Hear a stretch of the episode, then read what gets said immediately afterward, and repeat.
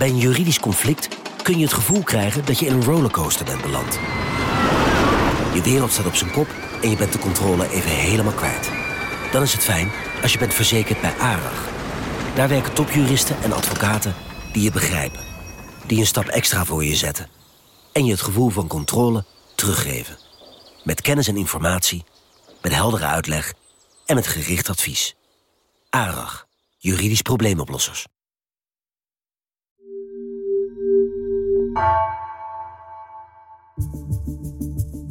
Vanaf de redactie van NRC het verhaal van vandaag. Mijn naam is Egbert Kalsen.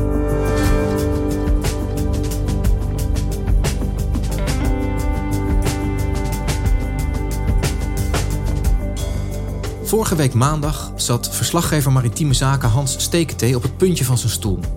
Het vrachtschip Julietta D raakte op drift.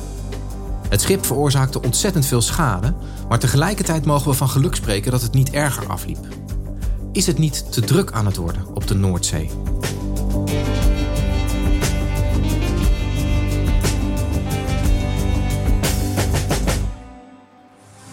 Goedemorgen. Op verschillende plekken in het land is de brandweer uitgerukt vanwege schade door storm Corrie. Het KNMI heeft code oranje afgegeven voor Noord-Holland, het Waddengebied, Friesland en het IJsselmeer. In de rest van het land geldt code geel. Er kunnen zeer zware windstoten voorkomen. Je zult je herinneren dat we storm Corrie hadden. Uh, dat was een noordwesterstorm die in kracht toenam. Het was aan het begin van de dag windkracht 8. Later werd het 9 uitschieters naar 11 boven. En dat is erg veel wind. Op het land waaiden dan dakpannen af en breken takken af. En schoorstenen vallen om en kleuters waaien weg. Maar op zee heb je dan enorme golven. Zeker bij noordwestenstorm, omdat zo'n wind strijkt dan heel erg lang over de, vanuit het noordwesten over de Noordzee. En dat heeft er uh, naar alle waarschijnlijkheid voor gezorgd dat het schip de Giulietta D, dat in het ankergebied voor IJmuiden lag, samen met een aantal andere uh, schepen, van zijn anker is geslagen. Uh, loskwam, tegen een andere boot is aangevaren. een ongeluk komt nooit alleen, want daar sloeg een gat in de romp van de Giulietta D. Ter hoogte van de machinekamer en die liep vol. De machinekamer vol. Waardoor de hoofdmotor uitsloeg. Nou ja, dat is natuurlijk een noodsituatie. Je hebt een, een schip op drift. Een schip van 190 meter lengte en uh, 40.000 ton, geloof ik. Uh, de motor doet het niet, het is stuurloos. Het schip maakt bovendien water.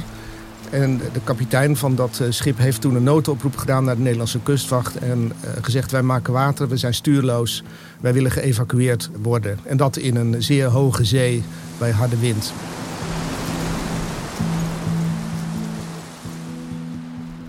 Ik hoorde dat het om 18 mensen ging. Omdat ik de marifoon, de, de draagbare boordradio van mijn uh, zeilboot, toevallig thuis had.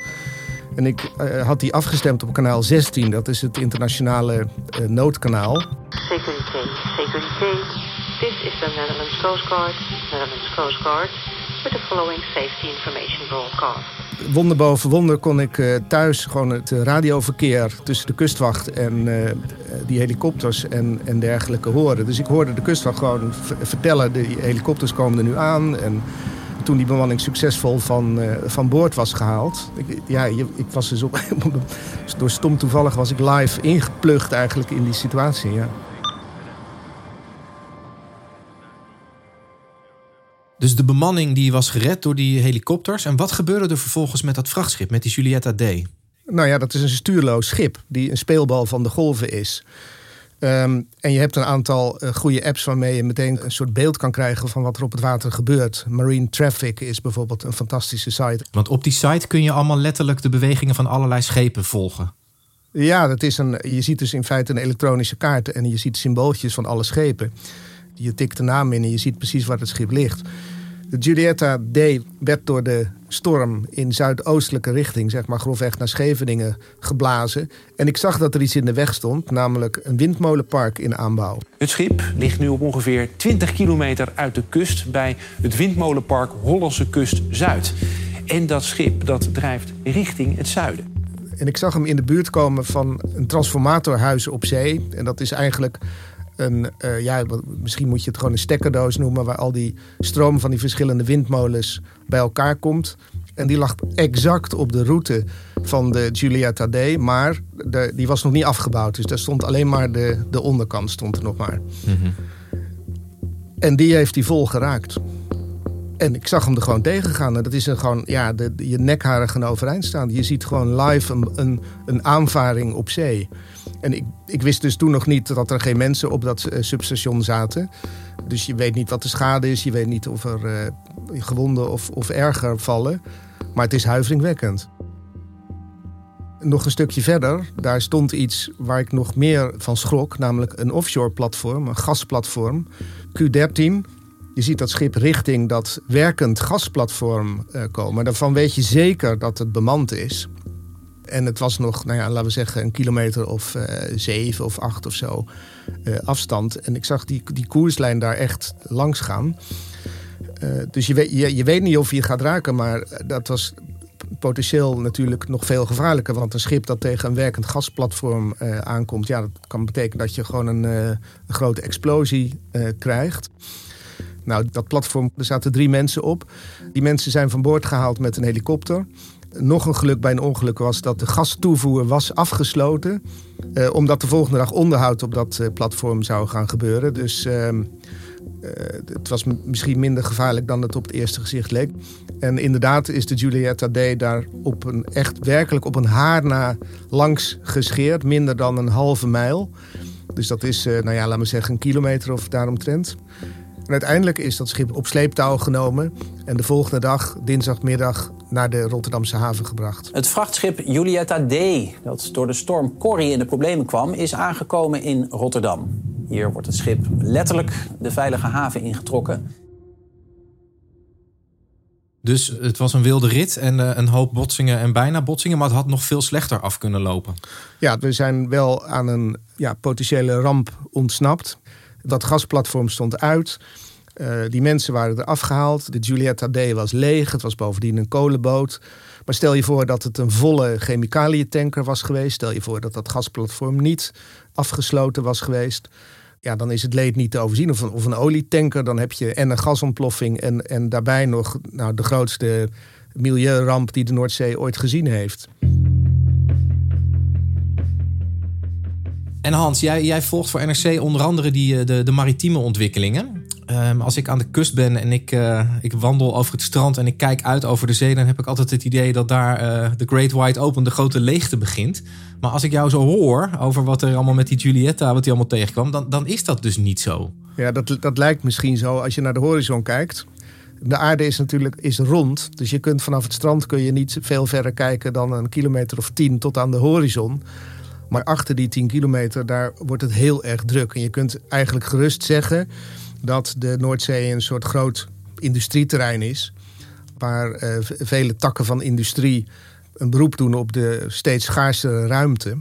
En dan kun je natuurlijk denken aan uh, tegenwoordig vooral windparken, waar er steeds meer van komen. Echt een aanzienlijk deel van de oppervlakte van de Noordzee wordt door windmolens in beslag genomen. De visserij wil ruimte hebben. De natuur moet een plek hebben. Er zijn een aantal gebieden in de Noordzee die zijn Natura 2000 gebieden. Er zijn grote stukken die voor defensie zijn, waar uh, vliegtuigen vrij moeten kunnen uh, oefenen. En tussen dat alles door uh, moet de scheepvaart zich bewegen. En nou ja, 90% van de wereldhandel gaat per schip. En de Noordzee is een van de allerdrukste zeeën ter wereld. Dus er, er zijn daar grote routes, diepwaterroutes en rotondes... waar permanent files, containerschepen, tankers, ertsboten zich bewegen. En dan heb je nog tussen Nederland en Engeland natuurlijk ook nog een aantal uh, passagiersroutes. dus het is heel erg druk op de Noordzee. En Hans, jij bent zelf een vervente zeiler. Uh, jij gaat ook wel eens die Noordzee over. Kan jij schetsen hoe dat eruit ziet als je daar met je bootje langskomt? Um, nou ja, vroeger was het minder druk dan tegenwoordig. Dus ik, ik heb nu een paar keer een Noordzee-oversteek gemaakt van Scheveningen naar Harwich. En de eerste 10 kilometer gebeurt er niks, maar dan kom je een booreiland tegen. En dan moet je een diepwaterroute oversteken. Dus dat is een snelweg met schepen. Nou, die, die komen met een enorme vaart op je af. Jij met je bootje vaart, nou ja, vijf knopen of iets dergelijks. Dus dat is minder dan 10 km per uur. Terwijl die grote schepen, die varen uh, gerust vier, vijf keer zo hard. En voor je het weet zijn die bij je. Dus ja, dan moet je heel voorzichtig zijn. En je komt uh, voorbij een heel, heel veel van die booreilanden. Daar varen dan weer schepen bij in de buurt die je waarschuwen. Die zeggen dat je niet te dichtbij moet komen. Zeer naargeestig. Die booreilanden zijn allemaal rood verlicht s'nachts. En daar zit, zit een soort uh, misthoorn op. Die klinkt als een soort gewonde dinosaurus. Dat, dat schalt dan over de Noordzee. Dat is echt buitengewoon luguber. Nou, dan heb je, als je over de helft bent, heb je een stukje uh, rust. Maar dan krijg je de windparken aan de Britse kant. En uh, bij Harwich heb je ook weer een uh, grote route voor containerschepen. En dan ben je 24 uur verder. Dan heb je iets van 120 mijl, 200 kilometer of iets dergelijks gevaren.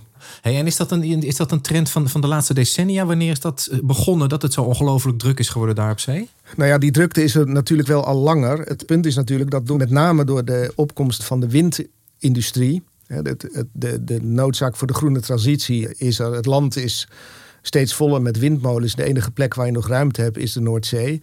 Dus België, eh, Duitsland, eh, het Verenigd Koninkrijk en Nederland bouwen als een dolle windmolens. Dus bijvoorbeeld gebieden boven, boven de Waddeneilanden beginnen al helemaal vol te staan. De Engelse oostkust, daar zijn de laatste paar jaar uh, ik denk wel vijf nieuwe windparken gebouwd. Dat nieuwe eh, park Hollandse Kust Zuid, dat is, uh, wordt nu gebouwd. Voor de monding van de Oosterschelde krijgen we nu het windpark Borselen in aanbouw. Dus dat zijn enorme oppervlaktes waar je vroeger min of meer vrij kon varen. Waar je nu niet meer mag varen, omdat er windmolens staan. En wie gaat er eigenlijk over de zee die buiten de nationale uh, zones ligt? Die, hè? Dus volgens mij is er een deel van de kust is dan nog uh, Nederlands, in ons geval uh, kustgebied. En daarbuiten begint een soort internationaal gebied. Wie gaat er over wat waar mag komen? Nou ja, je hebt de territoriale wateren, dat is de 12 mijlzone. Dus dat is een, nou ja, iets meer dan 20 kilometer. En dat is gewoon Nederlands gebied, Nederlands ja, grondgebied zou je kunnen zeggen. En wat daar buiten ligt, tot, in theorie tot 200 mijl. Dat heet dan de, de EEZ, de exclusieve economische zone. En in dat gebied, eh, dat is wel, wel bizar, dat, kan, dat is wel het Nederlands gebied. De Nederlandse regering kan daar bijvoorbeeld concessies uitgeven voor uh, gaswinning.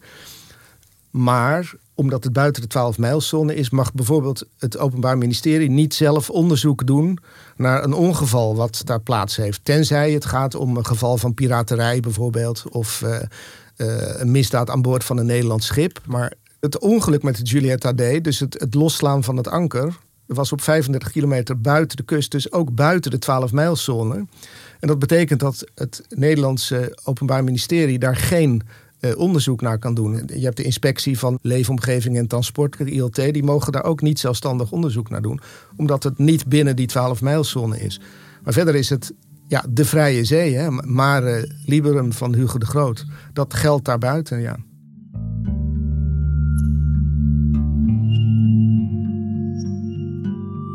Het is druk, dat, uh, dat heb je duidelijk geschetst, Hans.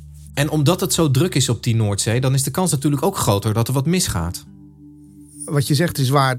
In dit geval was het uh, een schip dat zijn anker verliest. Nou, dat gebeurt wel vaker. ook in, in niet stormachtig weer. Maar dan en een gat in de romp. En de bemanning van boord en stuurloos en tegen een chemicaliëntanker. Weet je, dat is allemaal wel een enorme clusterfuck. Een ongeluk komt nooit alleen.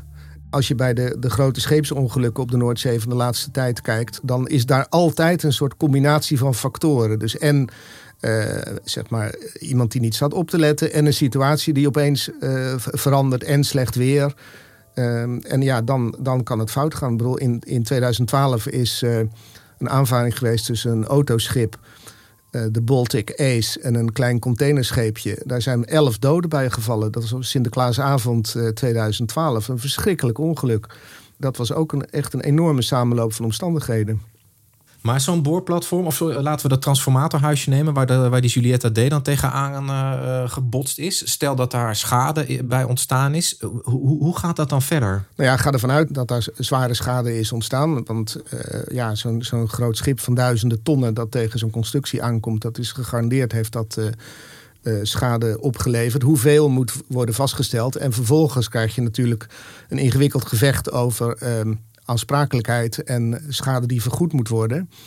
En dan is de vraag op wie verhaal je dat? Hoe dit precies zit, weet ik niet. Um, wat ik wel weet is dat de bemanning, althans de kapitein en de eerste officier, de eerste stuurman, zijn, zodra ze op, door die helikopters waren afgezet op Schiphol-Oost, gearresteerd. Omdat de politie uh, rekening hield met de mogelijkheid dat er een strafbaar feit is gepleegd. En dat is de aanvaring met dat transformatorhuis. Dat was wel binnen de 12-mijlzone. Dus daar kan de Nederlandse overheid wel degelijk een onderzoek naar doen. En dat heet dan uh, beschadiging van een installatie ter zee. Dat is gewoon een, een strafbaar feit, dat mag niet. Jemig, dat is ook uh, van een koude kermis. Dan ben je, ben, heb je het er levend van afgebracht van die boot. En dan moet je gelijk in de Hollandse cel in als je hier aankomt. ja, dus die hebben in Amsterdam Zuidoost hebben die een, een, nacht doorgebracht in de cel, die kapitein die stuurman. Die zijn overigens daarna weer vrij, eerst verhoord en toen vrijgelaten. Um, en vervolgens gaat de politie onderzoek doen van ja, heb, hebben ze uiteindelijk de, uh, toen ze zeiden we willen van boord, was dat uh, de juiste beslissing? Was de noodsituatie ernstig genoeg om helemaal geëvacueerd te worden? Nou ja, daar is nog niet zo gek veel over te zeggen. Dus de, de juridische strijd over wie, wie gaat betalen, wie is aansprakelijk, die is nog maar net begonnen. Dat gaat nog erg lang duren.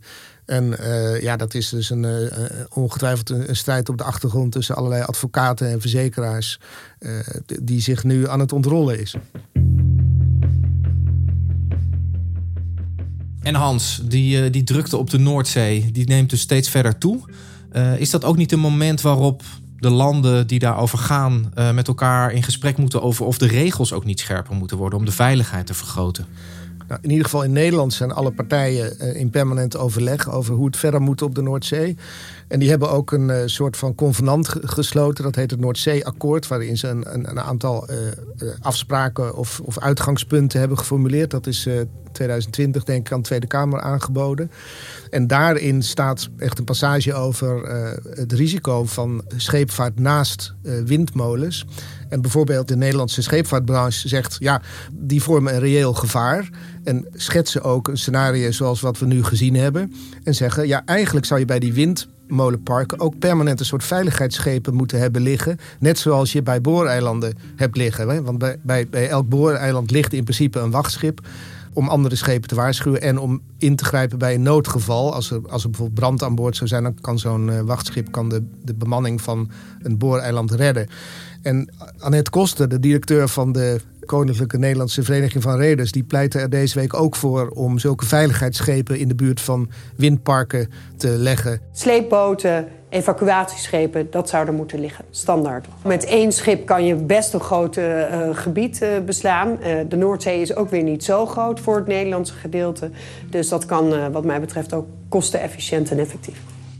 Ja, dus je zou eigenlijk de ANWB van de zee zou wat meer uh, capaciteit moeten krijgen om dit soort dingen te voorkomen. Of in ieder geval om snel ter plaatse te kunnen zijn als er iets misgaat. Nou, als je dit aan de kustwacht vraagt, dan zeggen ze ja, natuurlijk willen wij meer schepen hebben. Uh, dat, uh, dat is een feit. En, maar goed, ja, het kost geld. Ja, de, de meeste tijd gaat het goed en gebeurt er niks. Dus die, die schepen, als het goed is, hebben ze niks te doen. Maar ja, je wil wel dat er capaciteit is voor als het fout gaat. En naarmate er meer schepen zijn en meer risico's, heb je dus vaker zoiets nodig. Ja, en je wil niet uh, dat de volgende keer het gasplatform wel aanstaat. Of die boot wel vol zit met chemicaliën. En dat we dan pas besluiten dat we misschien de regels moeten aanscherpen, toch? Nee, ik denk dus ook dat dit incident, juist omdat het relatief uh, goed is afgelopen uh, enorm leermoment is. Ik denk dat, dat heel veel partijen, van de windmolens tot uh, de, de, kustwacht en alle andere betrokkenen, dat die zich heel erg achter de oren gaan krabben nu. Hans, dankjewel. Ja, graag gedaan. Je luisterde naar vandaag, een podcast van NRC. Eén verhaal, elke dag. Deze aflevering van vandaag werd gemaakt door Wijken van Koolwijk, Lis Doutsenberg en Misha van Waterschoot. Dit was vandaag, morgen weer.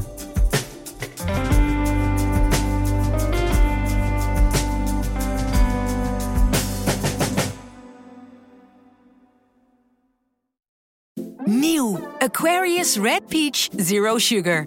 Met zijn heerlijke frisse persiksmaak zonder suiker draagt Aquarius bij tot jouw dagelijkse hydratatie. En helpt zo mee om je vochtbalans op peil te houden tijdens alledaagse, actieve momenten. Thuis, op het werk of onderweg. Ook verkrijgbaar in smaken lemon en orange. Probeer hem nu.